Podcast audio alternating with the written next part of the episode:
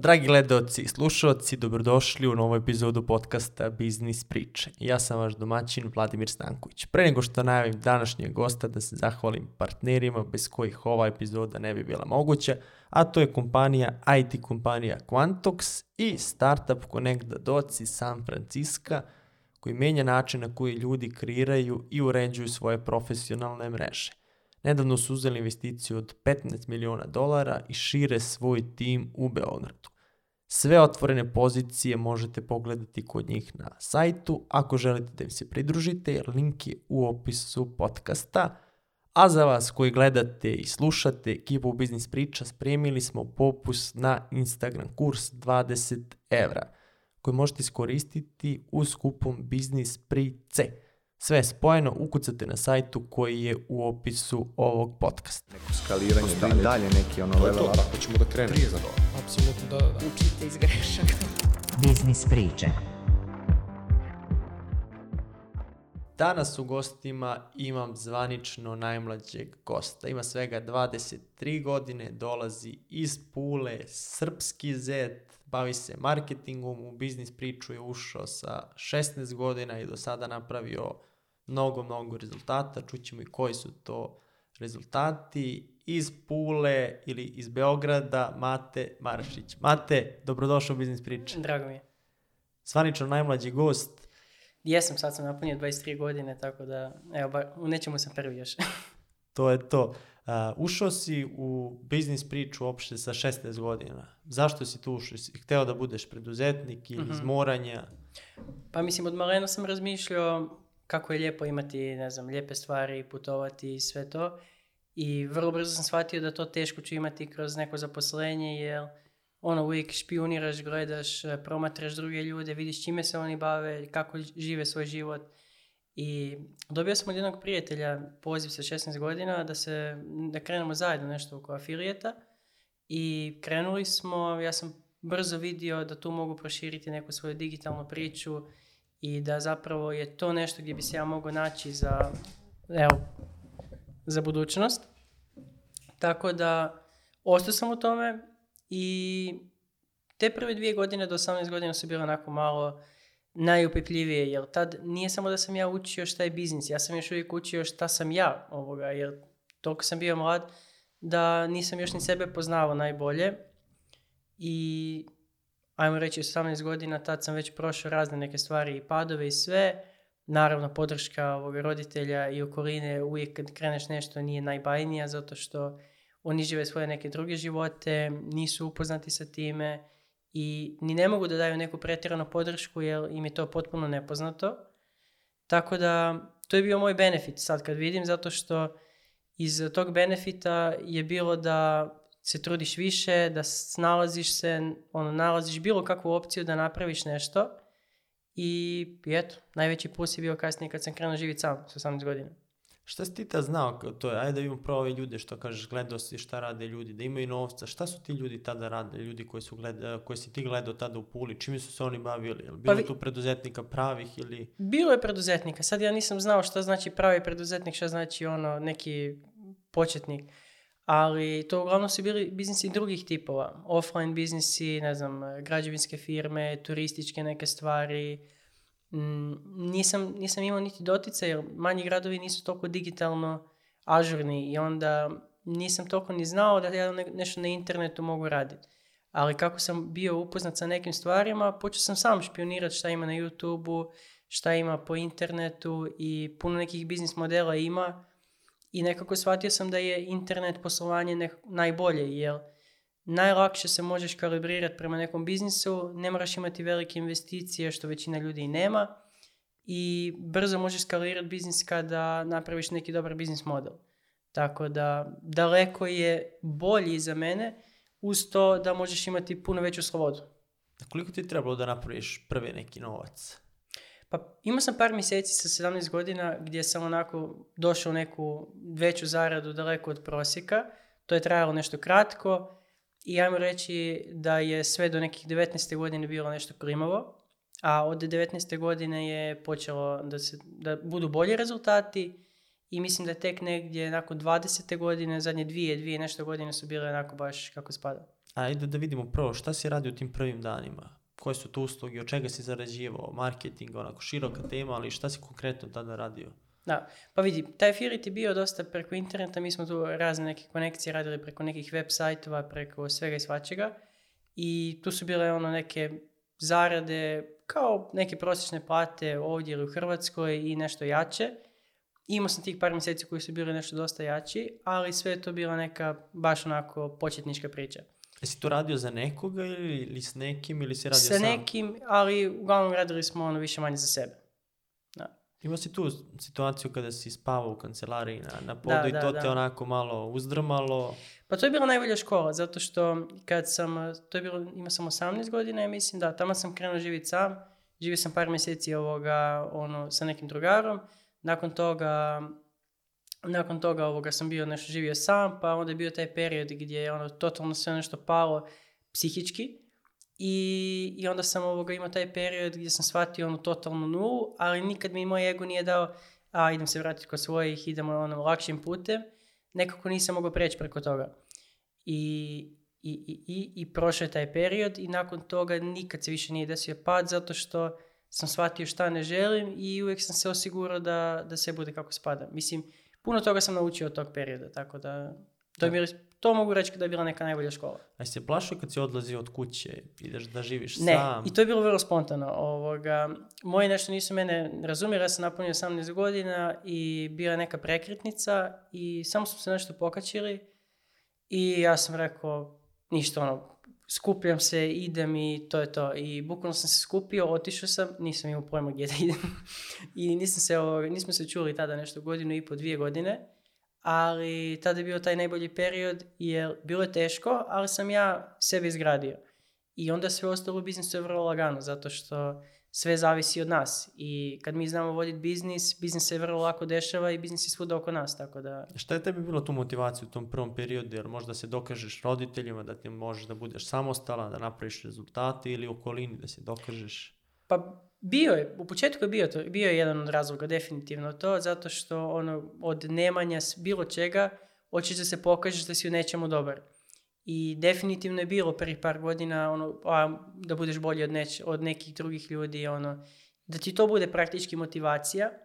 I onda kad te stvari dosegneš, kad sam dosegao te stvari, onda kasnije, sad me totalno ne interesira bilo šta što će neko reći. Jer tim ljudima se inako, bilo ko šta, kad neko napravi neki veći uspjeh ili bilo kakav uspjeh, za sve te ljude on ti si otišao u nebesa.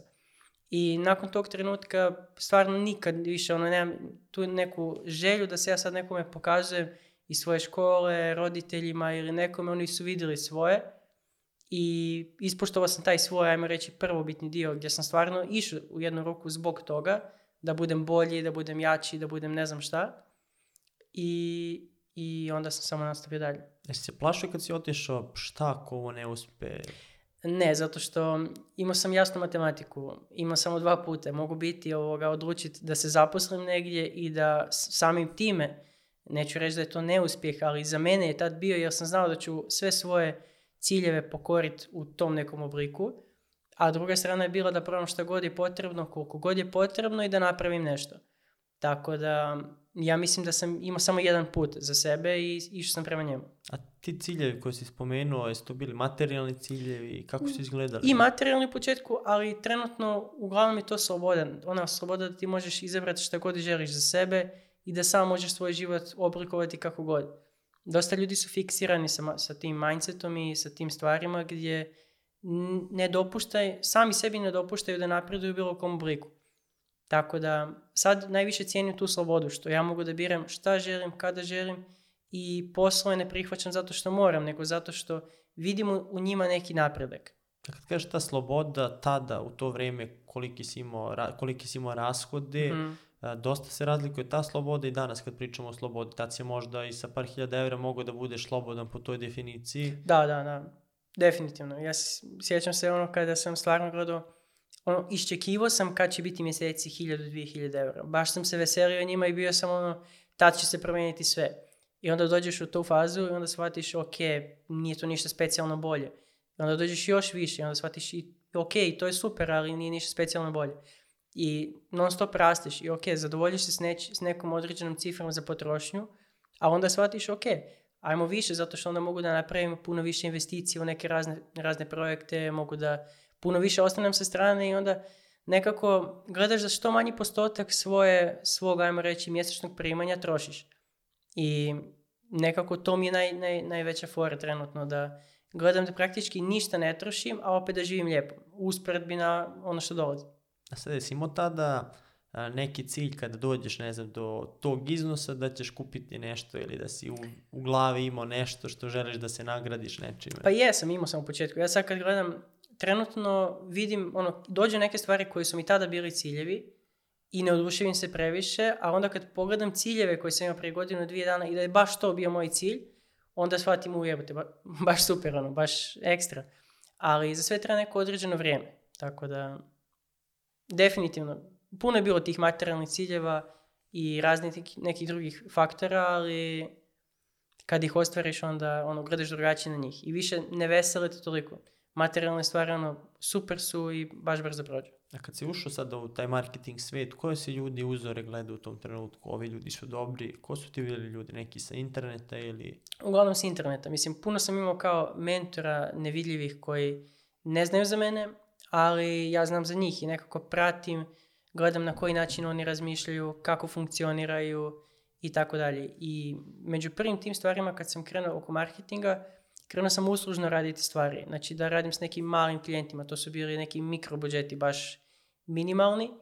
I kako je, ajmo reći, sve kod mene napredovalo, tako sam se upgrade u tom nekom smjeru. Šta si ti s njima radio tada? Ti minimalni budžeti, klijenti? Social media, nešto. Šta si pravi objave, reklame? Takve stvari uglavnom, da. To neke ono basic stvari oko web sajtova, ne programiranje, nego više ove platforme. I i onda kako je sve to krenulo rasti, kako su dolazili ozbiljniji klijenti, nekako sam se ja filtrirao i rasao prema svemu tome. Ajde vidimo baš u tom startu, kada si to radio, kako si dolazio do tih prvih klijenata? Ti si tada imao koliko? 18-19 godina? Da, prilike 18 godina. I kako si dolazio do tih klijenata? Pa vidi, bio sam dosta i okružen nekim ljudima, sad nemam neku pretjeranu, nisam imao pretjeranu neku strategiju kako dolazi do klijenata. Jesu to bile preporuke, neke poznanici? Svi, svi moji trenutni klijenti su preporuke. I to su mi najbolji klijenti zato što veliki klijenti uglavnom dođu na preporuku, jer da bi oni imali dovoljno povjerenja i sve, to je nekako naj, najbolji faktor. Ali taj početak, prvi ljudi koji su davali preporuku, baš su došli onako na sve moguće neke načine, i onda se to nek- zdrava priča, poguralo se lijepo i, i sad ono, gledam da na čekanje stavljam neke stvari zato što je nemoguće sve prihvatiti uvijek odjednom. Tada, koje su, ajde stavimo neki okvir, koje su to bile fakture tada kada si u samom startu, radio si sam, jel tako? Da, tad sam radio sam, pa sam onda radio ja i devojka i onda nakon tog perioda smo počeli ovoga dodavati ljude u tim. Pa puno nekih faktura su bile mali, baš se sjećam tog perioda, ne volim baš uvijek ulaziti u cifre jer svako ima neke svoje drugačije poimanje novca, ali to je dovoljno malo poimanje novca, tako da to mogu otvoreno reći. To su bile ono fakture, ne znam, 200, 300, 500, do 1000 eura i to su mi bile ono kao super, super priča. I sjećam se kad sam prvi put počeo prelaziti 1000 eura fakture, onda sam ja vidio ono, pitao sam se jel to tim ljudima možda puno da plate to. Je ti bila frka da pošalješ? Pa prve te fakture jeste, zato što ja iz svoje pozicije, meni je to bilo puno novca za platiti na neke stvari. I onda kad e, vidim da, da je to prošlo i da smo sve upgradeovali i da su troškovi svega daleko veći i sve ostalo, onda sam shvatio, jer sam tek tada počeo, ajmo reći, prilaziti tim nekim ozbiljnim biznisima.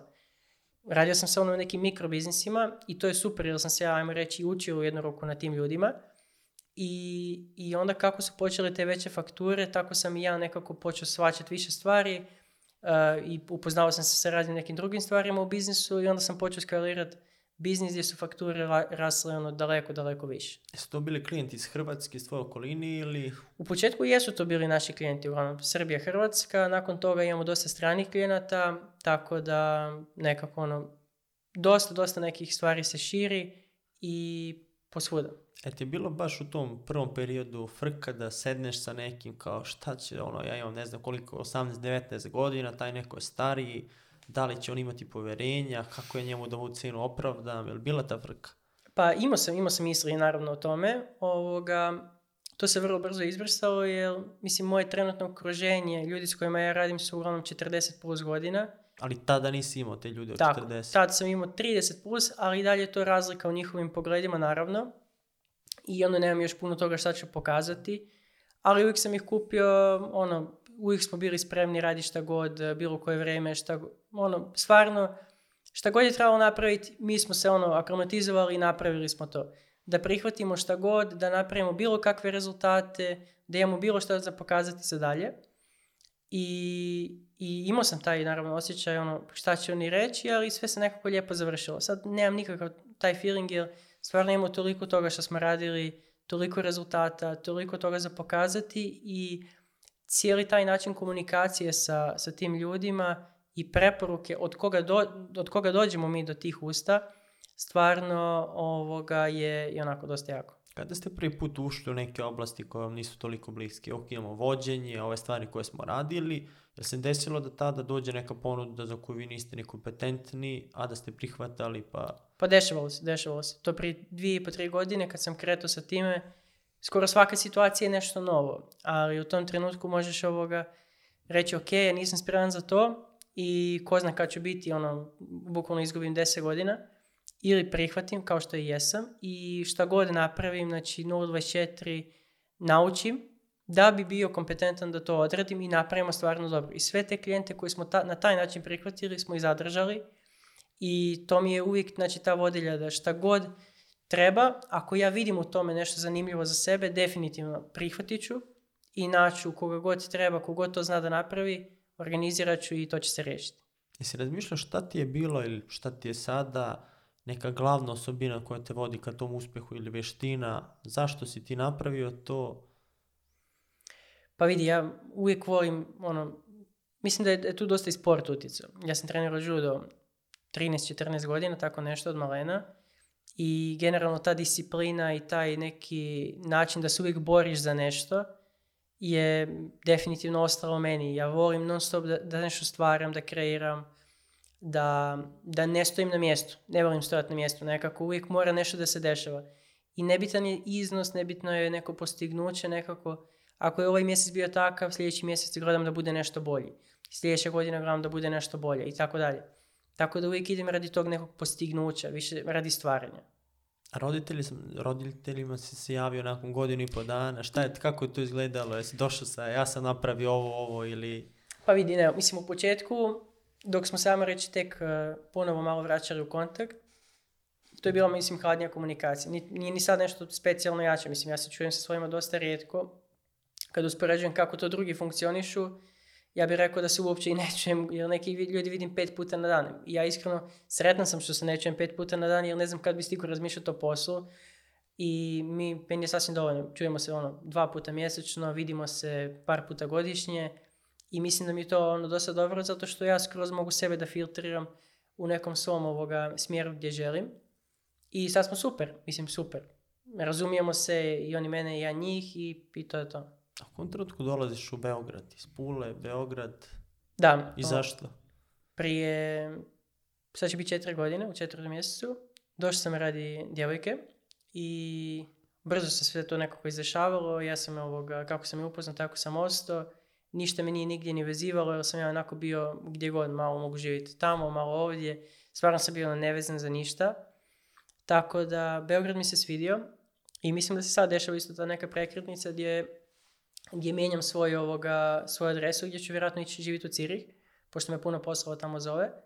Tako da, evo, i uvijek volim promijeniti lokaciju. To, ta nova energija, taj svjež, svjež start nekako, to mi je, to mi je uvijek neki booster ovoga svega četiri godine dosta. Pa da, četiri godine dosta. Iskreno, si se navikao. Ja bi mijenio i češće, ali četiri godine je super. Mislim da će Cirih ostati neka moja baza. Mislim, ja tamo idem samo da proširujem svoje biznise i sviđa mi se puno toga kod njih. Ne isto tako i ne sviđa mi se puno toga usporedbi kako to kod nas ali opet nekako sve je pod konac, a ja to volim tako da meni je to super. Pričali smo baš o tim razlikama, šta ti je najupečetljivija razlika da tamo si neprimetan u smislu koliko god novca imao. Pa da, mislim, znam puno ljudi koji su tamo, ono, ako pojmimo to sa našim, s bilo kojim, ajmo reći, stajalište iz svijeta, to su ljudi koji su stvarno napravili veliku, veliku priču i nekako imaš drugačiju sliku sigurnosti, jer niko ne gleda. Ti ovdje kad napraviš, svako gleda kako da dobije neki kolač ovoga, tog što si ti napravio. Tamo je to malo drugačije. I drugačije se ljudi ponašaju. Ljudi koji tamo imaju, gledaju nekako da prikrivaju. Znači da kad su, kad su sastanci, kad su bilo kakve neke važne stvari, oni gledaju da, ne znam, ako imaju sat, prekriju ga, sakriju ga nekako, gledaju da, da što manje materijalno bodu oči i da se što više fokusiraju na posao u samom tom trenutku, dok kad nekako gledam kod nas, kod nas je baš kontra nekako. Ljudi hoće da šljašte sa što više mogućih boja, stvari, i tako dalje i smetnu posao sa fokusa, više nekako kupuju ljude na, na cijeli taj, ajmo reći, imidž. Jer prolazi i dalje kod nas ta priča na, na imidž, na foru, na žvaku, kako god? Pa mislim da prolazi. Prolazi definitivno dosta. Da, daleko da, da i tamo isto prolazi puno toga na konekcije. Jako puno toga prolazi na konekcije kao i svuda u svijetu. Ali kod nas da prođe samo zbog toga što si onako nekako napravio taj imidž, mislim da, da da, i ljudi čak i ne gledaju rezultate, ne gledaju stvari, što je vrlo pogrešno, jer eh, na kraju krajeva kreću raditi s tom osobom ili s tom firmom upravo zbog tih rezultata. Primijetio si dosta da posebno mladi koji gledaju, prate stvari, kada vide neku predstavu na Instagramu, na društvenim mrežama, upecaju se na, na da, ljudi vole lake zarade. Ajmo da kupimo, da li prodaješ dojeve, da li su to kursevi, ajmo, hoću mm. ja to sve što ti radiš. Da, da ljudi vide život na Instagramu koji može biti pravi, ali može biti u velikom broju slučajeva fake i nekako hoće da, da to sve steknu za, za ono, na foru neku za, preko noći ako može i već jučer bi bilo super, ali uglavnom nije baš tako jer prvo raste mindset pa onda raste sve to, a sad to i da dobiješ nešto na foru to džabe sve to ako nisi u glavi ovoga porasa. Pričali smo ti o toj promjeni mindseta, kad si ti primetio, taj novac je stizao, to jest rastao mhm. postepeno, kad si ti primetio najveću razliku u tom mindsetu, da nekada gdje ti je par stotina evra bilo onako wow, kad si prešao daleko tu granicu, kako si se i osjećao i taj mindset, kako si gledao na taj novac uopšte? Pa, ok, ja sam krenuo iz pozicije, ajmo reći neke nule i mislim da ta situacija, ajmo reći imovinska opet nekako mijenja tvoj stav, mijenja tvoje, tvoje sposobnosti za sve, jer malo drugačije gledaš i donosiš odluke na malo drugačiji način, što je jako bitno u biznisu. I sad nema tu neke, spe, ne mogu reći neku specijalnu cifru ili šta god, ali određeni period se desio da nekako svačaš koliko si svjestan sebe, svojih odluka, svojih prošlih nekih stvari i tako dalje. I smatram isto tako da nakon par godina opet konstantnog rasta ću gledati koliko sam neke stvari sada mogu možda malo bolje napraviti, zato što ću biti pametniji i drugačije ću gledati na te stvari. Tako da, da, ne znam neki specijalni period, ali pro, prođe vrijeme i shvatiš neke stvari. A e, misliš da sada kad bi izgubio sve, kad bi krenuo ponovo od nule, da bi se istim tim stvarima vratio ponovo na... Da, možda čak i, i brže sigurno brže od ovog prethodnog puta, zato što je tu bilo toliko nepotrebnih greška. Mislim, potrebne su bile definitivno da bi ja naučio stvari, ali, trenutno iz trenutne pozicije puno toga bi mogao izbjeći i odmah bi krenuo na ono što je, što je primarno da se napravi priča. Kako bi sada krenuo, gledaju mladi koji imaju 20, 23 godine, kreću od nule, kako bi ti sada krenuo sa tim znanjem da ponovo sad moraš da kreneš od potpune nule? Znači imaš konekcije imaš znanje, ali što se tiče novca, tu si, da. imaš, imaš 100 evra. Da, da, 100 evra. Ok, vidi, ono što sad definitivno imam, mogu zakazati, ono, do, dobar sam u zakazivanju poslova i mogu zakazati šta god. Znači... A kojih poslova? Kako bilo kakvih. Generalno, ono, mogu, mogu bilo šta prodat, šta, šta smatram da, ono, da želim izvesti i tako dalje. I definitivno je bilo nešto digitalno, Sad ako ne bi imao neku investiciju, ono, vjerojatno bi ili zakazao poslove i prikupio bi neka financijska sredstva i onda bi organizirao ili sam ili tim, sve zavisi od svega. Ali mislim da je dosta dobra stvar sad ljudi što rade Fiverr i Upwork. Mislim da je to neka dobra varijanta gdje mogu naučiti kako prodati sebe, mogu naučiti određeni skills eh, što trebaju da naprave da bi taj zadatak ispoštovali i opet mogu zaraditi neki novac od koji kasnije mogu investirati u neki svoj biznis, jel'? svako ko radi uspješno nešto digitalno na Upworku i Fiverru, realno može da osnuje i firmu za sve to. Samo puno ljudi se boji da li će imati dovoljno posla, kako će zakazati te poslove i tako dalje. Mislim, kad taj dio prođu i kad taj strah prođu, mislim da lako sve to može porasti u, firmu. Ljudi generalno koji pružaju usluge, što si rekao, odlična osnova za start, ali ljudi tamo ne grade svoj brand, već su na tuđoj platformi i ne mogu da naplate to toliko koliko bi možda hteli da, je, da ljudi dolazi direktno na njihov brand. Ovako, znači, izabrali smo tu oblast, evo su svi konkurenti, sve cene i ok, ljudi gledaju ocene, ali gledaju te cene, ne možeš ti sad tu da kažeš ako oni rade za 100, ja ću za 1000 i sad će ljudi da dođu zato što su na Fiveru, da dolazi direktno kod tebe zato što hoće sa matom da rade, to je već druga stvar, ali oni već imaju izgrađen brand. Tako je. Mislim, to je više neko probijenje. Sad, puno ljudi znam koji ono, ni ne gledaju druge opcije, nego to im je ono, jedina opcija kako da postanu što bolji tamo, kako da skupe što više recenzija i sve to. Ja nekako nik, ne bi mogao to, to na taj način raditi, gledao bi kako da što prije poguram neku svoju priču, jer evo desi se stanje sad primjerice ko se dešava u Rusiji, ukinu takve platforme, i sad ljudi koji su tamo gradili to nemaju ništa. Ili ne znam, ljudi koji su gradili YouTube nemaju ništa.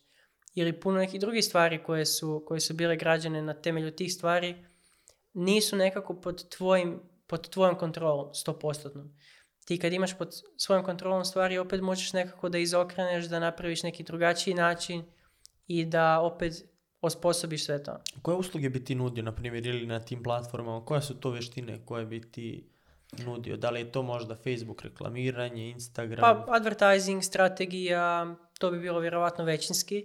Sad volim ja još puno nekih drugih stvari, ali nekako gledam, ok, moja kreativa se nalazi možda u tim stvarima, ali nemoguće je da skaliram posao na temelju tih stvari. I nekako, mislim da mi je najvažnija stvar ta sposobnost, sami reći, prodavanja E, menadžmenta i, i ono pokretanje, organiziranje stvari da to ide nekom nekim dobrim putem. Kad smo kod prodaje, često pitanje gdje si naučio prodaju, kako naučiti to, je to sve kroz praksu, ili si imao neke mentore, primjere koje si gledao?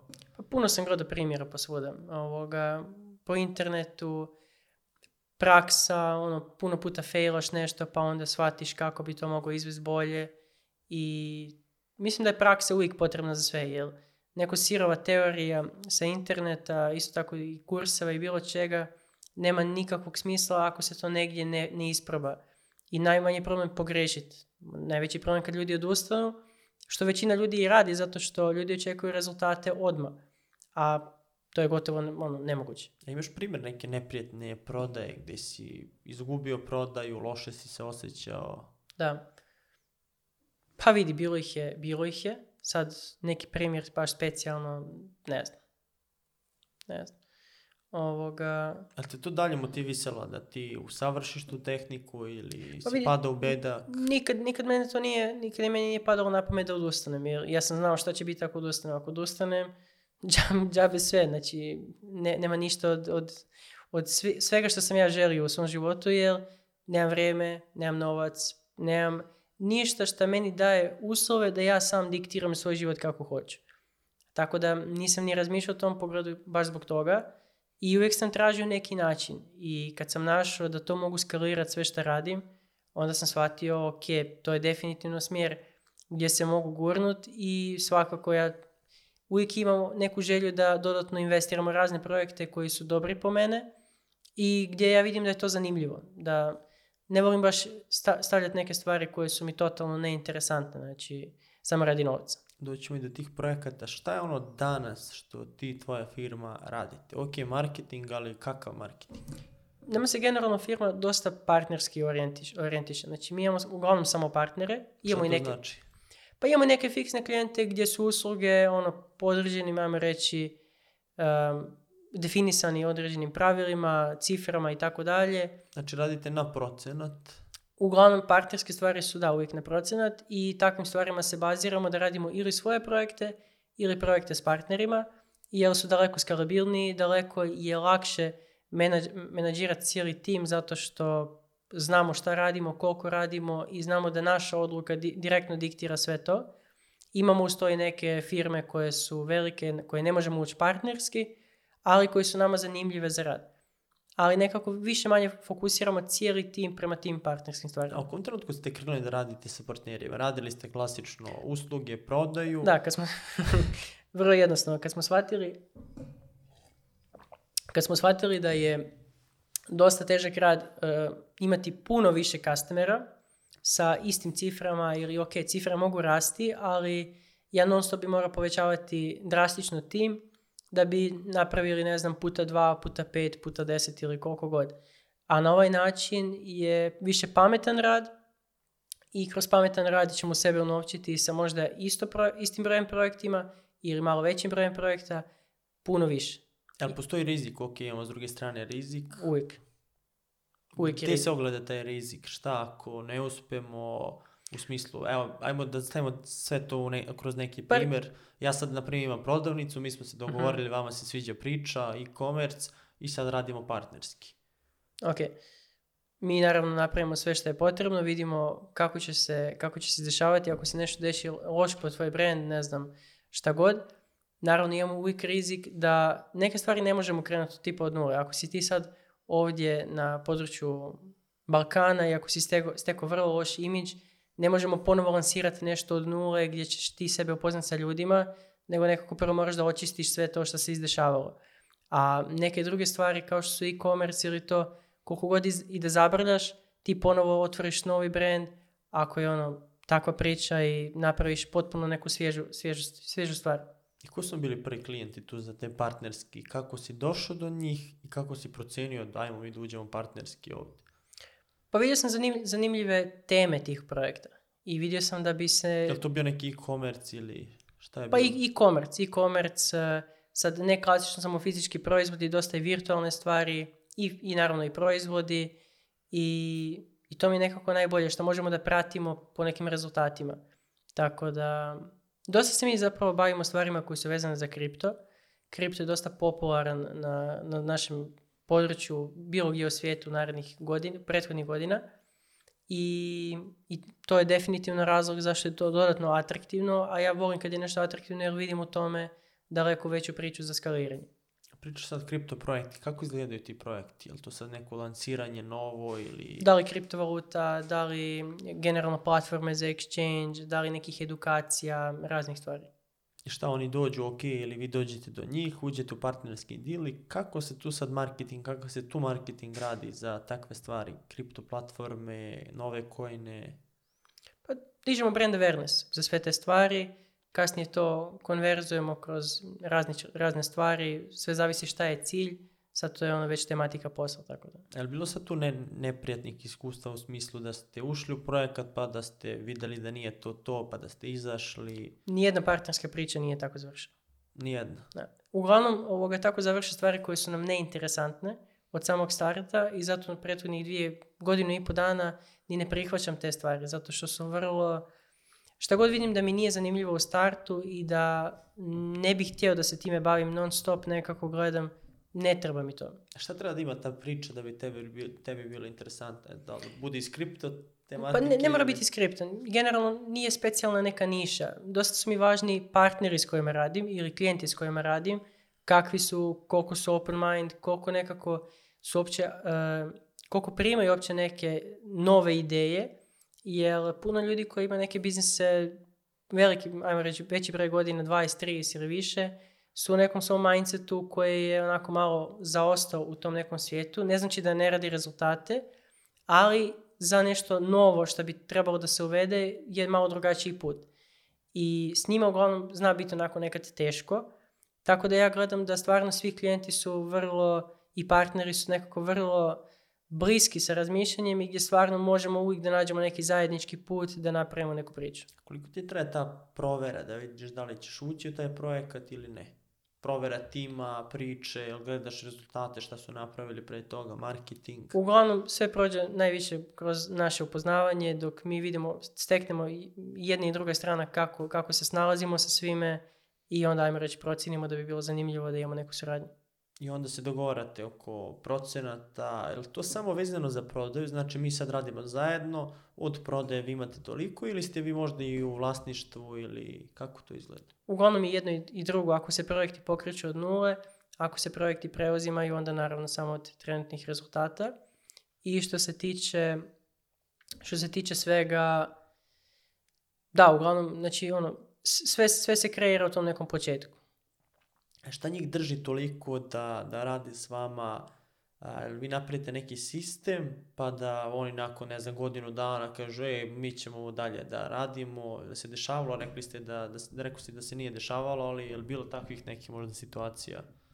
Pa nije bilo takvih mislim, situacija zato što mi uglavnom napravimo pravila da to što smo podizali da, da je to nekako u nekoj zajedničkoj priči, nikad niti jedna strana nije sad napravila neki skandal pa da se to nešto izokrenulo Nadam se da i neće. A što se tiče bilo sve, vrlo zanimljivo to, zato što kad obe strane zarađuju, onda se tu gradi i dodatno jedno prijateljstvo. Ovoga, I nekako puno prijateljstva imam sa partnerima, zato što zajednički se zaradi od određenih projekta i sve tako dalje. Ono gdje sam na, naišao na problema kad se to prijateljstvo počne previše graditi sa ono dub, do, detaljno sa ljudima koji su unutar dijela tima jer tu se uvijek dešava neka ljubomora gdje oni rade na određenim svojim dijelovima, ali pored moje jedne firme postoji još tri, četiri i više firmi koje donose određene poslove i taj lifestyle koji ja imam ili neko koji je na poziciji da samo izvršava svoje stvari nikad ne može biti ista, a to prijateljstvo nekako gleda ono je, ako sam ja takav, nekako i ta osoba očekuje da sada ima, ne znam, isto što ja. Tako da, možda sam ovo malo krivo izjasnio, ali uglavnom previše konektovanja sa, sa ljudima iz tima mi uvijek napravilo uh, lošu efikasnost u, izvršavanju tih poslova. Ali, pričaš za ljudi iz tvog tima ili za pa partnerskog tima? Ili više, kao, više kao zaposleni, zaposleni sektor. Znači, jel... Um, to je zanimljiva, da, tema. Mislim, super imati dobar odnos, ali to treba dozirati, jel? Kad se nešto, kad nešto pređe mjeru gdje se previše nekako E, malo dotakneš tih ljudi i hoćeš da im pomogneš, ali oni ne shvaćaju koliko tu stvari zapravo stoji odgovornosti, posla i svega ostaloga, da ti živiš svoj život, a da oni žive svoj sa onom minimalnom odgovornošću i minimalnim ovoga faktorima rizika. I, i puno ljudi ono uvijek gleda samo krajnji rezultat, ne gleda cijeli taj, i ne samo ti ljudi, nego bilo ko u okruženju. Svi oni gledaju samo krajnji rezultat, ne gledaju šta je sve bilo potrebno da se dođe do toga nečega. sada kažu, mate vozi Porsche, a hoćemo i mi. da, da, da. Mislim, uvijek je, uvijek tako, ali zato ja stvarno najviše volim da se, da se okružim i da se družim s ljudima koji su, koji su stvaraoci, jer oni isto to razumiju i razumiju šta znači put do, do nečega, koje su neke stvari s kojima su se skoro svi sreli na tom putu i totalno drugačiji mindset. Kad si primetio da, kad si uhvatio sebe, da si prepoznao tu vrednost networkinga, druženja sa takvim ljudima, kad si uopšte krenuo u, tu priču? Pa vidi, networking nekako od eh, početka sam smatrao da je jako bitan. I nekako najviše to cijenim i ako je potrebno sad otputovati, ne znam, na drugi kraj svijeta da upoznam nekoga, pa makar direktno ne, ne, ne posao, nego potencijalno razradio nešto, uvijek sam bio spreman na to. Uvijek sam bio ono na, ono, odmah. Ako treba sad reagirati na nešto, napraviti, posijat i onda kasnije upravo na takve stvari su mi se nekako najviše stvari izdešavalo, jer obe strane su vidjele, ok, spreman sam na šta god i, i uvijek volim da širim network sa pravim ljudima. Moram da se vratim na onu priču baš oko tog partnerskog dogovora, oko tih dilova. Dosta se priča o tome gde se kritikuju bez razloga, po mom mišljenju, agencije. Kažu ljudi, pa evo, da li u Srbiji postoje agencija koja hoće da radi na procenat sa, mm sa nama. Uz prevodu znači, da li hoće da dođe agencija da preuzme sav rizik na sebe, rizik koje je ono što si malo pre rekao, da li je brend dobar, kakva je situacija, i zašto ne postoji takva agencija? Znači da ja prekrstim ruke, da neko dođe, preuzme rizik sav na sebe i da radi. Moj odgovor na to je bilo ok, vjerojatno postoji agencija ili bilo ko ko će prihvatiti to, ali ne možeš ti njemu sad da, kažeš ajmo sad radimo prodaju par mjeseci, već ajde ako radite tako dajmo procenat firme i onda radite dalje. Da, da. Šta ti tu kažeš? to je savjet za za te ulaske u projekte, kako da ljudi izaberu i da procene taj rizik. Na sada ja hoću da uđem u partnerstvo s nekim, marketing deo, sve šta, šta obuhvata, koji su tvoji savjeti, šta tu treba videti pored tog tima i da ti je tema privlačna? Pa vidi, svaki biznis je drugačiji i uvijek treba vidjeti ko su kupci ili ljudi koji koriste tu uslugu, ovoga, koliko ih ima, koliko je to interesantno, taj brand koji to ispunjava, kako to ispunjava, kakve imaju neke prethodne stvari. Sad, ne volim ulaziti u priče koje su nezdrave od starta. Je, Što znači nezdravo starta? Pa da moram ispeglavati sad neku njihovu prošlost sa raznim nekim failovima i sve to. Je, I to je naravno i tekako izvedivo, ali je dosta velik, ajmo reći, gubitak vremena za, za nas, koji dosta brzo nekako sve skaliramo i dosta brzo, uglavnom smo fokusirani na efikasnost i najviše volimo projekte gdje znamo da možemo nešto brzo ovoga izdizati, podizati. Mm, naravno, prihvaćamo mi nekad projekte i koje su ono ispeglavanje neke, nekih, nekih prošlih stvari, ali opet teško je sad ući u, u, to jer ima, previ, ima milion faktora koji su, koji su u cijeloj priči. Vidjeli smo koje projekte voliš da ulaziš, a koje projekte si odbio, koje su to teme i zašto? Pa ne volim projekte prvenstveno kada su ljudi... Da ti dođu, izvini, da ti dođu ljudi, evo, hoćeš da radiš nama, ne, neću. Da, prvo ako su ljudi poprilično onako tvrdi i ako bi, sve ide po nekom njihovom, njihovom tempu, to, to ne volim, zato što tu vidim samo, um, ajmo reći, lance za sebe, gdje ću sebi uništavati neku svoju slobodu i generalno i kreative i razmišljanja i bilo čega za, za, za tu suradnju. To ne volim i naravno ako sam projekat nije, nije nešto što može da se izvede. Jer puno projekta ljudi, nekad je i budžet problem, ljudi bi htjeli napraviti svjetsku priču, ne znam, Amazon 2, ne znam šta, sa investicijom koja nije blizu niti da naprave bilo šta ili slične neke priče. I šta kažeš tim ljudima? Ili iskreno kažeš ili ipak mi pa i, ima, ima, ima takvih priča. Mislim, ja, ja kažem da ja ne, ne bi to htio. Mi znamo to da izvedemo, ali ne bih htio da prihvatim tako nešto jer ili je nedovoljan budžet ili nije dobar plan koji oni žele da sprovedu i ne žele da ga mijenjaju i tako nešto. I koji je neki minimum na koji se ulazi u takve projekte? Minimum ima čega? minimum vremena, godinu dana ili... Pa sve zavisi šta je cilj. Sve zavisi šta je cilj. Ali njima svima cilj kada dođu, hoćemo da povećamo prodaju ili imaju neki... Pa mislim, uglavnom jeste da, da naravno naprave nešto više. U biznisu je to uvijek povećanje ovoga zarade, ali sve zavisi koliko povećanje u usporedbi na ono što su već imali ili u povećanju nečega što šta su već imali ili što tek treba od nule da se kreira i koji su resursi za sve to. Tako. Koliko imaš sad partnerskih takvih priča? Vidim, pa oko tih, imam dosta, znači ja imam lead generation i e-commerce i taj brand awareness, ajmo reći da smo tu negdje na sve skupa 35 do 40. 35 partnera? Ne, 35 do 40 ovoga generalnog klijenata koje imamo, od toga nekih 15 je možda partnerski. Partnerski, dilo, ovi ostali su na, na fakturu i, na platnom spisku. Tako, tako, tako. A, koliko ljudi to država, koliko ljudi imaš u timu? 10. Imamo oko 10 ljudi sada Trenutno radim sistem da to mogu povećati i mislim da će biti povećanje u ovoj godini definitivno, ali trenutno nekako gledam da bude desetak ljudi.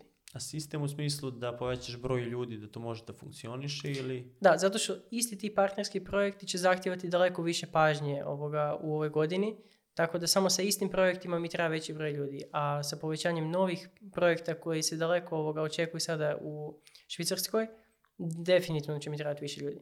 A to kad kažeš da više pažnje treba jer zbog situacije skaliranje. zbog skaliranja, da, hoće veće rezultati. Tako je, tako, skaliranje. Zato što kad nešto počne rasti, ima više nekih tehničkih stvari što treba ispoštovati unutar tog projekta i tako ide sve.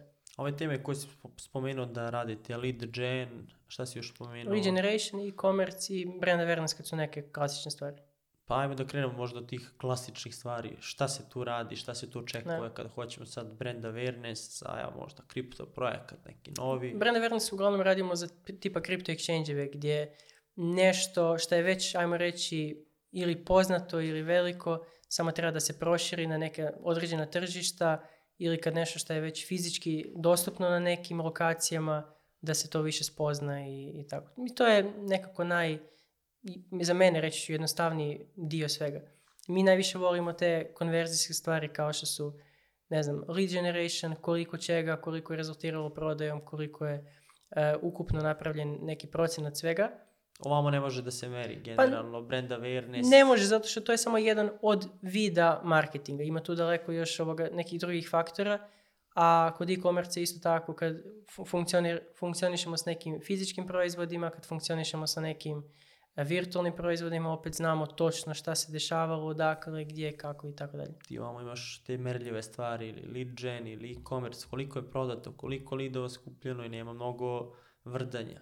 Tako je, tako Tu vidiš ono puno odgovornost, evo šta smo mi uradili, prodali smo toliko, odradili smo toliko. Lead generation za ljude koji ne zna možda pojasni šta je i šta radite vi sa tim klijentima. Pa prikupljanje potencijalnih customera koji se kasnije rezultira sa nekom kupovinom, korištenjem nečega ili bilo čega. Znači vi, vaša, vaš cilj je da dođete od tih potencijalnih kupaca, na koje načine sve? li to dajete njima nešto besplatno, da oni uđu u funnel ili... To, to je jedan od, od načina, ali za neke stvari je i nepotrebno. Dovoljno je samo pokazati šta je, kako je, njihova potražnja je dovoljna i oni dalje, ko preuzima te, znači imamo sad tu bazu, ko dalje to preuzima? Sales team. Sales team. ne automatizacija, nego sales uglavnom sales team ovoga, za takve stvari nije dio našeg tima, nego dio te firme e, koji direktno rade sa tim kontaktima. Dobro, ti tu nisi uključen u kasni konverziju, jer realno nije do Nisam, ali sam upućen debelo u to što se dešava, zato što naš tim gleda da poboljša cijelu tu, ajmo reći, statistiku ajde, koje su to oblasti ako smiješ da, da podeliš ili neki biznis možda fitness, i da, da izreklamiraš? Fitness, osiguranja, kripto, uglavnom. Fitness u inostranstvu? Da, da, da. A ovi e-commerce niše, koje su to niše? ti si, čini mi se, jesi radio e-commerce za, za sebe nešto, dropshipping ili... Da, imamo i svoje storove. To sam pokrenuo sad u, zadnje vrijeme zato što imamo tim koji sve to može da, da im reći podnese, da napravi i u tome vidimo dobru stvar zato što možemo lako skalirati sve, neku svoju ideju koju imam mogu lako sprovesti bez toga da čekam drugu informaciju od klijenta šta će, šta će oni reći. Tako da e-commerce mi je, mi je super. Jeste dobijali tu ideje, vidimo klijente, to jest imamo klijente s kojima radimo to, to i to, dobri smo u tome, zašto mi ne bismo to pokrenuli kao primjer e-commerce? Da kontrolišemo cijelu situaciju. Da, to je bilo definitivno stvar i to je bio jedan od razloga zašto smo i smanjili i skoro prestali praktički taj uslužni dio, samo napravi ovo, dobit ćeš ovo, jer e, to je uglavnom samo oduzimanje vremena gdje mi super je to, pošten firme koje to rade, ali puno smo mi sebe davali u te stvari da ne možeš točno znati šta te čeka sljedeći mjesec i onda imaš tim koji ima brojčano toliko i toliko ljudi, posao znaš da popunjen je za naredna tri mjeseca, ali šta se dešava nakon toga i onda uvijek moraš ići nekim, nekim tim ovoga vidom. A ovako na projekte koje mi vodimo, znamo da svaki mjesec imamo toliko i toliko stvari, sve kako mi hoćemo da guramo. I e sad kako to napraviti tu granicu između naših ličnih projekata i projekata za, za klijente? Jer isti zaposleni rade to ili dele. Pa njima je to svejedno. Znači, oni rade svoj posao kao da je to projekat pod tim imenom, a sada čiji je i ko je u tom projektu, to je nebitno. Ja sam dešava kad je veliki obim posla da nešto mora da, da istrpi, da li je to klijentov posao ili to, ili na kraju istrpi taj vaš posao koji u krajnjem slučaju puno odgovornost preuzimate, pa... Kao, na šta misliš? Pa da sad ne, znam, iskrslo nešto za klijenta hitno se odradi, ovaj naš shop neka čeka malo pa bude stvari koje treba da se, da se naprave, pogotovo kad su te veće kompanije gdje igra puno nekih njihovih i pravnih stvari i ono, stvarno danas za sutra što treba da se napravi i sredi se to, mislim, naprave se i takve stvari, uglavnom ne trpi ništa jer je to ono kratak period i ako se to desi mi ćemo gledati da nekako podebljamo tim, barem privremeno za to da se, da se ne bi desilo neki minus negdje. Kako izgleda to jest kako izgledaju pregovori za te sad velike projekte kada ili si dobio preporuku ili su nekako došli do tebe jer ti to pregovaraš, kako izgleda taj preporuk, taj pregovor da nastaviš sad u neki kontekst da, da zamislimo. Da.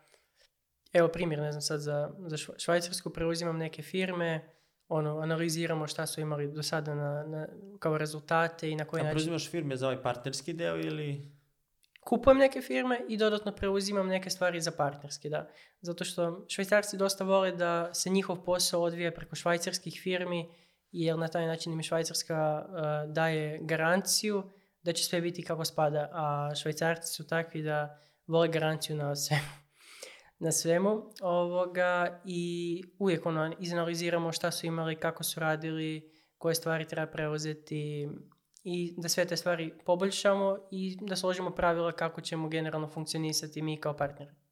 Ali gledaš sad da preuzmeš firme koje imaju neki, da kaže, neku istoriju, već određeno broj godina funkcionišu, pa da ti nešto ubaciš svoje u to, ili gledaš da uzmeš neki biznis ili da, da nastaviš dalje s njim? Više uzimam samo, ajmo reći, papirologiju. Ja nastavljam raditi onu stvar svoju, ne, ne se na ono što je već tamo, to pričam za kupovinu novih firmi, a za, kupo, za ulazak u partnerski, tu naravno nastavljamo tu neku njihovu priču uz neki naš smjer koji ćemo nekako gledati da ga uskladimo sa time. E ti sad dobar deo tih klijenata iz švajcarske ili? Uh, trenutno još uvijek nije, imamo klijente tamo, ali ajmo reći tek je taj neki dio koji je u izgradnji, a pošto smo dogovorili određene stvari sa nekim postojećim firmama, znam da to možemo biti svašta zato što preuzimamo praktički klijente raznih i drugih agencija. A ok, delimično si objasnio zašto baš Švajcarska, ali pored svih ostalih zemalja nisi teo u Ameriku, Švajcarska ti je legla. Šta I prije sam razmišljao o njoj, imam puno ljudi koje, koje tamo znam, generalno nije toliko daleko od nas, sviđa mi se ovoga puno toga, sigurnost svega, um, Bankarski su daleko, daleko ispred i puno toga što ovdje ne može tamo može. Klijenti su daleko e, većeg, veći i nekako klijenti tamo gledaju ako radim sa strancima, to, to radim zato što nemam dovoljno budžeta, ako radim sa firmama unutar zemlje, to znači da ono, želim preciznost, želim garanciju, želim sve i to naravno daleko bolje se naplaćuje, tako da je to super. Šta ste bili ti glavni utisci kad si upoznao te ljude iz švajcarskog biznisa, ljude koji su napravili imperije? Šta ti je bio ono wow efekat? Šta si primijetio da... Preciznost. Volim preciznost, volim to što, što ono što se dogovara uvijek bude upravo tako i s moje strane i s njihove strane i niko nema praktički puno e, živaca za, za za one stvari koje se dešavaju, a da nisu dogovorene. Tipa da se desi neko kašnjenje, da se desi bilo kakav e, minus u nečemu, nekako vrlo, vrlo brzo ovoga reagiraju na te stvari. Nisu kao kod nas, ono, normalno je da se sve kasni, normalno je da sve ide usporeno, sve je nekako pod konac. Da se to sve definiš u ugovoru ili... S njihove strane uvijek i, mislim, i ovako generalno, ali kod njih specijalno, da. Koliko ti je pomogao i za biznis, Instagram profil koji ti služi kao portfolio i Instagram kao lifestyle influencer? više radi fore. Za poslove mislim da nisam ništa dobio. Sad specijalno meni Instagram više ono ok, upoznam se s tim partnerima, mi smo super prijatelji i sve ostalo, pratimo se tamo, više ono kačimo radi, radi zezanja. na Instagramu nikad nisam gurao nešto da, da dobijem neke klijente jer većina tih ljudi koje me samostalno prati nisu moji potencijalni klijenti Sad, većina ljudi je došla na neku preporuku, na neku, ono, na razne načine. I nije to moj način širenja biznisa. Moj način širenja biznisa je preko partnera, preko nekih zajedničkih dogovora i tako dalje. Na koji si uspjeh najponosniji? Je imaš nešto na šta si, što bi izdvojio, hm. da kažeš, je, ovo mi je baš onako... Da. Pa gle, ne, znam, ali mm, mislim da je da je to što, ta cijela situacija što, što sam naučio da vladam nad njom, da, ono, da mogu, da kontroliram i firme, da opet e, stignem sve što se tiče mene lično i, i mindset koji je došao temelju svih prethodnih situacija, da ono, znam da se spreman i, da se sad sve izbriše, ponovo nekako podignut priču na, na neke noge. Je to ta i sigurnost i samopouzdanje koju Pa znam ne postoji, jedini, jedini scenarij bi bio kad bi ja odustao od sebe da taj scenario nije baš nešto... Realno. Da, tako da ono, bukvalno to je jedini scenarij. Ne može se desiti da neka situacija sad utječe, može trenutno da, da umanji stvari, da ošteti stvari, ali dugoročno ako je moja želja na nivou, sve se vrati. Kako izgleda tvoj radni dan? li imaš neku rutinu? Pa vidim, ja dosta radim, e sad rutine ne volim previše. Znači ono, baš, baš volim da mijenjam rutinu, da mi je svaki dan nešto drugačiji, znači Jel ustaš u drugačije vreme svaki dan ili... Pa i to, i to. Znači, pošto ono, dosta i kad putujem, e, taj dan mi je ovakav, pa onda imam dane kad se viđam sa, sa, ljudima za sastanke, imam dane kad sam cijeli dan za kompjuterom, koji je ono, samo mitinzi, zoomovi sa timom, sa klijentima, sa svima živima. imam dane, ono, kad, e, baš, baš su drugačiji. Znači, ono, imam svoj kalendar, popunjavam ga, ali taj dan je potpuno na jedan način, ovaj je skroz na drugi način, nema onu rutinu, ne znam, u 107 do 5.10 uvečer koliko god i to je to. Ali imaš neki period kada se isključiš iz biznisa i svega, hoćeš da Pa imam, imam, imam. Ajmo reći na nekom mjesečnom nivou sigurno imam nekoliko dana koje, koje onako podijeli i, i koje, koje isključim. Jer ja kad radim, ja volim biti 100%, isto tako kad se isključim, nikad se ne mogu isključiti 100%, jer uvijek nešto mora da se, da se prati, ali bi voli, takvi takve dane isto voli. Spomenuli smo zaposleni njihovu motivaciju. Kako uspješ njih da motivišeš pored toga što oni gledaju tebe i tvoj lifestyle, žele bi oni to, kako ti uspješ da njih motivišeš da oni grade i tu zajedničku priču i za partnere, da daju svoj maksimum, rekao si da... Vidi, puno nekih ljudi s tima su i na procentima za neke stvari. Znači, ljudi koji stvarno znaju, ja ne volim da ih limitiram i ne volim da, da oni znaju da će tu biti do kraja života, nego da vide neku, neku ajmo reći, budućnost u, u tom svome što rade.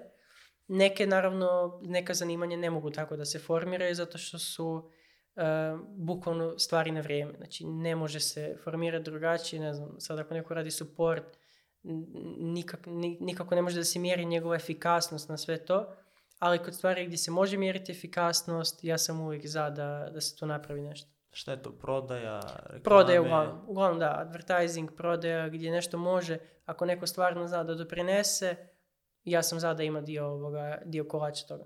Kako si dolazi do tih ljudi? Su to naši ljudi ili su to Pa ima dosta To su naši. Ja uglavnom gledam da, da tim da budu naši ljudi zato što nekako lakše svi možemo da, da se iskomuniciramo, da se razumijemo i tako dalje.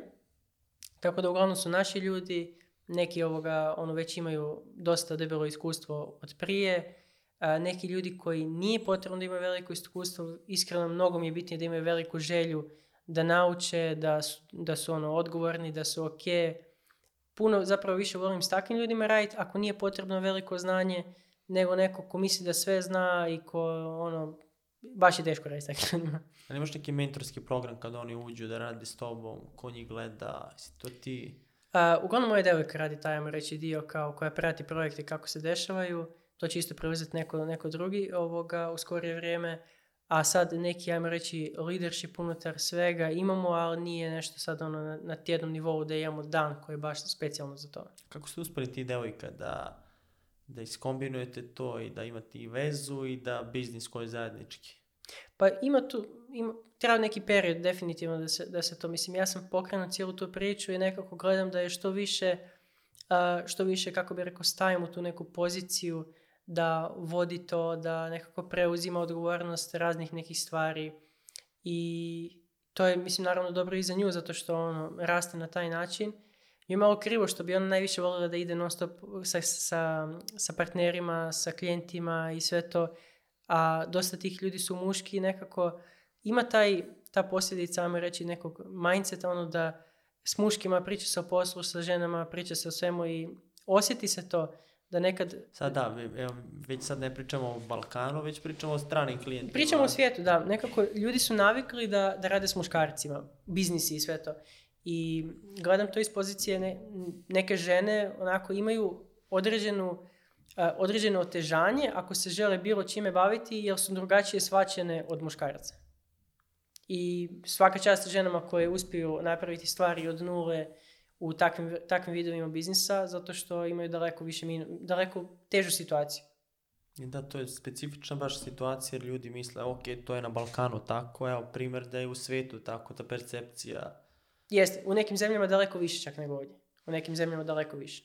Koje su to zemlje? To Bliski istok ili... Pa ok, Bliski istok, sigurno, ali generalno i puno europskih zemalja ima, ima taj, taj mindset. Gdje ono ali se nekako trudi da se prikrije to i da da, da, da, da, Ali osjeti se ono sad, dođeš, dođeš na sastanak, sad ako bi došla neka žena, eh, ne za sve stvari i sve zavisi kakav je karakter te žene. Znači ako je ta žena stvarno jaka i ako se izgradila, može da, da napravi istu situaciju, ali uglavnom dok se žene ne izgrade, onako budu drugačije svačene nekako ne toliko ozbiljno. Sad, jel, šta bi volio da si kada si ušao sa 16 godina, da si znao šta bi ti olakšalo taj put? Ili imaš neki savjet ono koji bi dao sebi? Pa ne bi ništa mijenjao. Zato što sve greške koje su se desile su se trebale desiti i svi padovi su se trebali desiti da, da sad ako bi se bilo kakva situacija desila, znam, znam otprilike kako da to izbjegnem zato što sam već prošao ono, to gluposti. Ali misliš da nekada može taj savjet da spreči tu grešku ili moraš ti da prođeš kroz i... Pa može, može, definitivno može, ali zanimljivo je i kad prođeš zato što daleko je bolja škola kad si prošao nego kada, kada si samo onako čuo izbjego. Naravno neke stvari ne treba da, da baš sve isprobaš i da prođeš kao grešku na to, ali sve moje greške su bile ok i smatram da, da, da je ok. E, te pitaju mladi, generalno i ljudi koji te prate, te pitaju za savjet, hoćemo da krenemo u biznis, kako? Pa pitaju ljudi. Šta najčešće pitaju? pa kako da nešto pokrenu i to budu tako... Hoćemo glup... Porsche, a kako da Budu glupa nešto. pitanja. Baš često vidim neke prijatelje koji dobivaju slična pitanja, to je ono, e, u jednoj rečenici e, cijeli život. Bi, bi, bi pitaju ono, bukvalno jednom riječu. I to su pitanja koje mogu naći bilo gdje, ali nisu ni svjesni koliko ne razumiju koji je tu cijeli put. I nekako, sad to ne treba biti nešto što je ono strah pred tim ljudima, nego samo trebaju da krenu. I trebaju da, da se bave, da, da, da šta god rade, da se ne boje greški i da, da ide nekako svi ljudi koji nekako invalidski hoće da im se objasni nešto, od toga nikad ništa ne bude onima koji samo malo gurneš i koji sami ovoga se snalaze kako da naprave, jedino takvi ovoga na kraju i naprave nešto. Znači ti ne daš servirano, već čisto da ih pa usmeriš pa, malo. malo. ih može samo ono, poguraš, usmjeriš i to je to. Sad ako ti ideš previše, tu grumite ovoga, um, kako bi to nekako nazvao? Babysittera. Babysittera i ono, da sve nekako gledaš da napraviš umjesto njih i misliš da ćeš im poboljšati, em trošiš svoje vrijeme, em, ovoga, em tim ljudima apsolutno nikako se ne pomaže. A e, se tu vidi ono ko je ozbiljan, ko hoće to da radi ili neko ko nije spreman da uđe u nešto, ali čisto da pita za savjet neki uopšteni pa... Ima i naravno konkretno... Ili mi serviraj ti, a mene mrzi da radi. Kad su te neke stvari, ajmo reći, početničke gdje se niko, ni, ne, neko ničime ne bavi, ali želi samo nešto da sazna, to budu uglavnom tako grupa pitanja, a budu naravno i ljudi koji već se bave nečime, ali nekako pitaju, kako da pređem sad na ovaj level, šta treba da napravim i tako dalje. To su daleko ozbiljnije ovoga situacije, ali mhm. već je naravno broj slučajeva kad se neko javi ono, koji ono, e, znam te iz osnovne škole, srednje škole, kako ćemo sad ne, ono, napravimo, da je ubacim tu negdje pa da nešto radim i tako dalje. Daj neku dajevo za kripto, jel? Da šta god, ali ono, ako može da me ubaciš i, i da se sve nekako dešava bez mog rada. To je jedno od sad najpopularnijih pitanja. Šta misliš o kriptovalutama? Kakav si prema tome? Pa, pa vi ja sam tvoj stav. otvoren sam prema kriptovalutama, s NFT-em nisam toliko upoznat i ne bi ništa volio da pretjerano pričamo o kriptu, jer nekako ne smatram se sad nekim savjetnikom za sve to. Ja sam više tu ono, radi sebe uložem eh, i ono, puno toga se temelji oko mene oko kripta, ali ne, nisam, nisam ono govornik za to. A je sad, e, pričali smo, imaš svoj biznis koji mhm. razvijaš, s druge strane imaš taj kripto koji može da bude slatka lova, može da bude rizik. Kako to hendlovati jer ljudi generalno grade svoj biznis dugo, imaju dobre osnove i međutim nešto zasija, da li je to kripto NFT i pažnja kreće tu, a, ovaj primarni biznis koji pravi novac stabilno kreće da ispašta zato što vamo nešto sija da vidi, ja uvijek volim da se fokusiram na biznis koji znam da može da, da stoji na nogama ovoga dug period, ali isto tako ne volim da odbijam stvari koje, onako kako bi rekao, su potencijalna šansa za nešto i najviše volim kad se na takvim stvarima napravi, reći ću, pa neću reći lak novac, ali nekako... Brz. Puno, puno, puno je lakši i brži nego primjerice kroz možda neki, neki biznis gdje znaš koliko si truda mora napraviti da uopće dođeš na taj level i da to napraviš. Ali ne volim, ne volim nikad biti samo na tim stvarima, nego ono, ok, ako dođe super, to onako lijepo je i to to. Taj novac se lakše troši. Puno Ili lakše. Puno slađe, da. Puno slađe. Zato što nekako znaš da je tako i došao. Pitao sam te već za taj skok u mindsetu. imaš neki možda skok koji, koji imaš na umu, koji si snimio, koji je bio možda najdrastičniji, gdje si promijenio mindset najdrastičnije? Pa... Kad si skakao s tih faktura sa...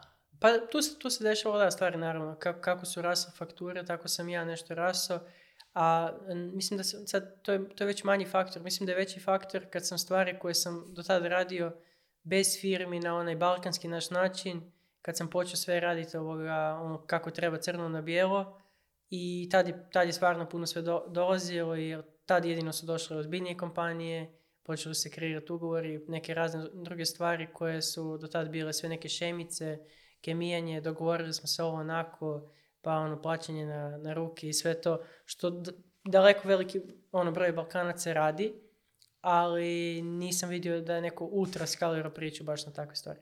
Ali tu se prikazuje neka namera, ako si ti ok registrovao to, znači da ćeš ti da radiš to ozbiljno, ako vama se premišljaš, ajmo ok.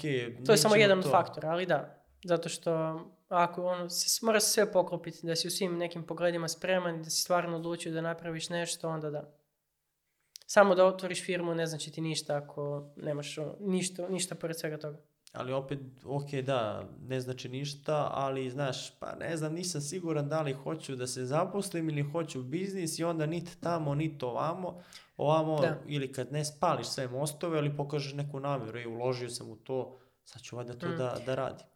Mislim, ja sam uvijek ovoga bio u početku za spaljivanje mostova, zato što nije niti da sam imao neke pretjerano snažne mostove. tako da uvijek sam za tu varijantu. Otvoriti firmu za dosta ljudi predstavlja ono veliku, neku ogromnu, ogromnu odluku ili priču.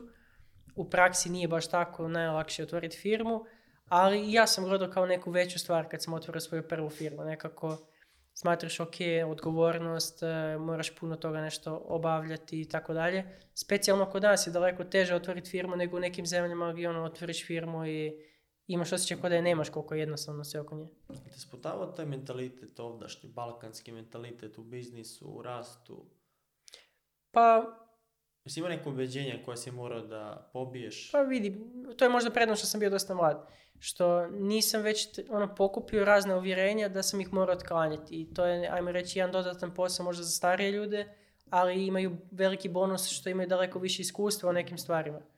Tako da nisam pretjerano ono, otklanio, vrlo brzo sam ovoga delitovo ljude koje, koje sam vidio kao neku prepreku u mom životu i okružio se ljudima koje smatram da, da, su mi interesantni, da su da razmišljaju na način kao što ja razmišljam, mada u tom nekom startu kad nisi još ni uspješan, a nisi više niti u nekom, ajmo reći, pokretanju, tad je najteže, jer tad nemaš ni jedne ni druge, nemaš, e, bukvalno si ono spalio i s jedne i s druge strane, nisi zanimljiv još ovima koji imaju i koji su napravili stvari, a ne želiš više ni da budeš sa ovima koji su smiješni zato što ne razumijete se međusobno. I onda je to ono malo period gdje si sam, a onda kako kreneš ovoga da, da dođeš na neku svoju poziciju, onda dođu i ljudi koji su daleko zanimljiviji, jači, bolji i kao prijatelji i kao sve ostalo u životu.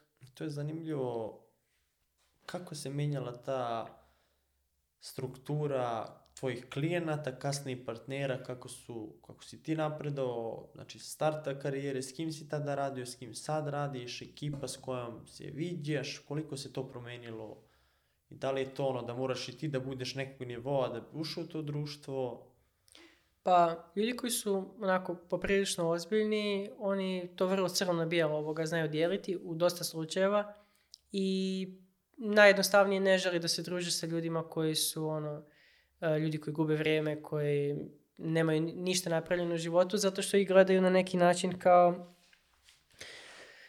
pa, da ne govorim ništa ružno, mislim, nisu, nisu to ljudi koji, koje oni vole da, da prate i od kojih vole da upijaju ovoga bilo šta. Tako da isto tako i ja gledam da se nekako odmaknem od ljudi koji su limitirani.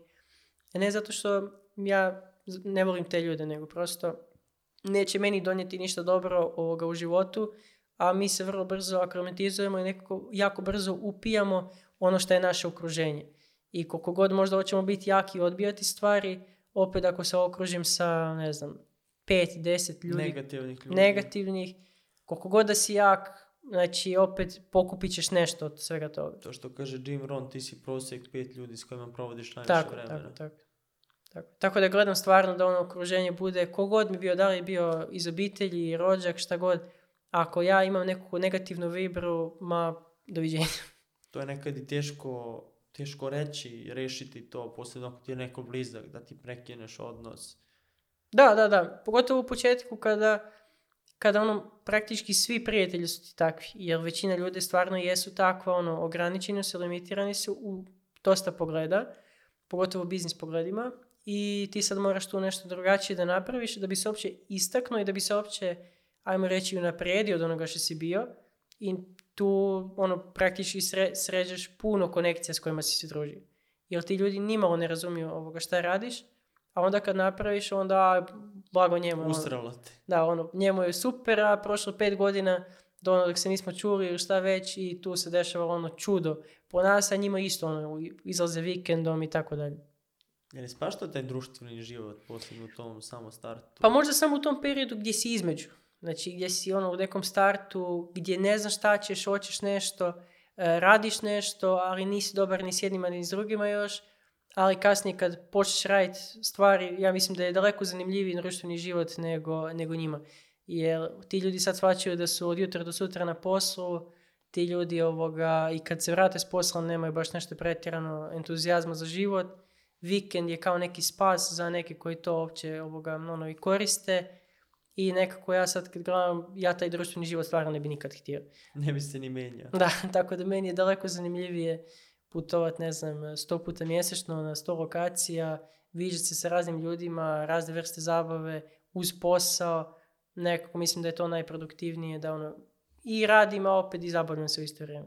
Si postavio neki cilj do 30. godine, šta moraš da ostvariš? Nisam i nekako izbjegavam to moram ovoga, tako da nekako sve radim zato što radim da bude više, da bude jače, da stvorim nešto što do sad nije bilo i više idem to nekom logikom, a imam naravno neke određene ciljeve, ali to će biti ono, ne, gledam radi ciljeve za više od godinu, dvije godine, to mi je već nekako previše, previše daleko s obzirom na brzinu mijenjanja stvari trenutno. Jer kad pogledam svoje dvije godine unazad, toliko je to, toga bilo nepredvidljivo i bolje se izodvijelo, da da sam isplanirao to, vjerojatno bi to planirao tamo negdje već za 30 godina, ne za sad.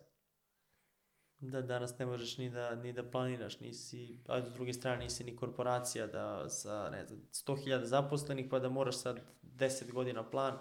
Jeste. A se plašiš možda da, da će ti smoriti to što radiš i šta ćeš raditi u toj pa situaciji? Pa neć. Znači, puno stvari, ako me nešto ono, umori, ja to izdelegiram na, da se to nekako napravi.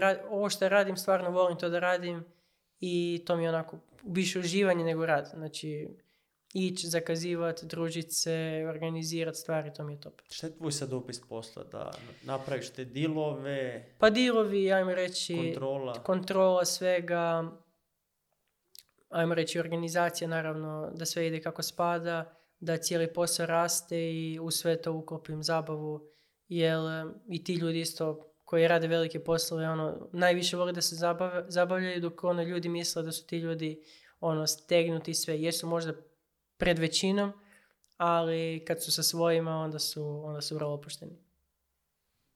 Ti skupljaš inspiraciju, knjige, podcasti?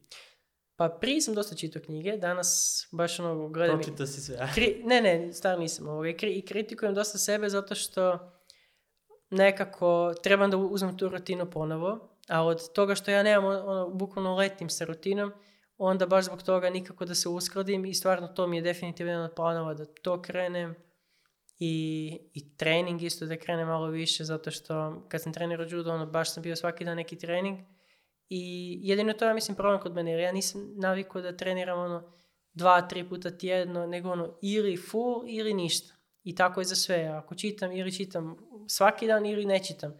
Isto tako je za rad. Ili 100% radim ili ne radim uopće. I nekako ne volim to da, da balansiram pola-pola, nego volim biti 100% ili, ili ništa. Pošto si u Beogradu, kako ti se čini ovdašnja biznis cena, mladi ljudi koji pokreću biznise, koji su u Pa ima zanimljivih mladih ljudi. Ja daleko, draže ću biti ovoga u Beogradu nego primjerice u Zagrebu, u Puli ili bilo gdje tamo, jer ima puno više ljudi koji su mladi, koji su napravili neke svoje stvari, koje, koje grizu i sviđa mi se što se tiče toga. Ja sad ne radim baš puno sa našim ljudima ovdje, ali za ovako zadruženje i okruženje mislim da je baš super. Za pleju su dobri. da, da, super. Šta te nisam pitao, htio bi da podeliš sa gledocima, slušalcima? Pa ne znam, evo. Prošli smo dosta tema. Koji su tvoji planovi sad za naredni period, naredne te godine, osim skaliranja? Pa mislim da je sad ovako, ako gledam neku svoju ličnu promjenu, to što ću prebaciti svoju resu ovoga tamo, a sad ostalo, to naravno vuče puno drugih promjena.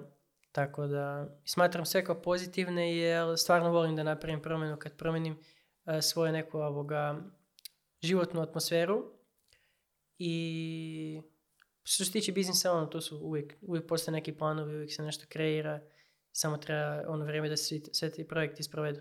Znači te sad motivisati taj i promjena okruženja ok, ali i promjena tog standarda životnog gdje tebi troškovi automatski skaču, da će te motivisati da ti grizeš još više. Pa vidi, mislim ja sam i ovdje navikao da trošim dosta sad tamo. Je malo, ajmo reći, tamo puno, puno toga zna biti skuplje, ali ja volim skuplje, zato što kad je nešto skuplje, onda nekako i ti drugačije, odmah malo drugačije akromatizuješ svoje neke standarde i onda gdje god da odeš, to ti je ono, drugačije, sve ti je nekako jeftino. I, ne, može skuplje od toga. Pa ne mislim da ne može. Baš kažu da je, mislim, Cirih koji drugi ili treći na svijetu po, po skupoći, tako da Mislim, meni je to super i bolje da mi to bude baza i svugdje kad idem da mi ono ništa nego, nego da kad dođeš tamo ono kažeš kako je skupo ovo. A taj, malo pre smo spomenuli, prosjek pet ljudi, a koliko ćete to promijeniti, to promjena okruženja i okruženje tih ljudi, prisustvo tih ljudi, šta misliš koliko će doprinijeti tvom? Pa sigurno će isto doprinijeti, pošto tamo su ono, ljudi s kojima se ovdje družim su uspješni, daleko od toga, ali ovoga, tamo su puta 50 još od toga. Tako da kontakti ono koji su tamo su stvarno ono ekstra i smatram da, da, je, da je to jedan veliki plus. Sljedeći put kad dođeš pravit ćemo tu računicu da, da vidimo povratak i švajcarski ili kao gost. Može, da... može, to ćemo međusobno. Hvala ti što si bio gost. A mi se vidimo u narednoj biznis priči.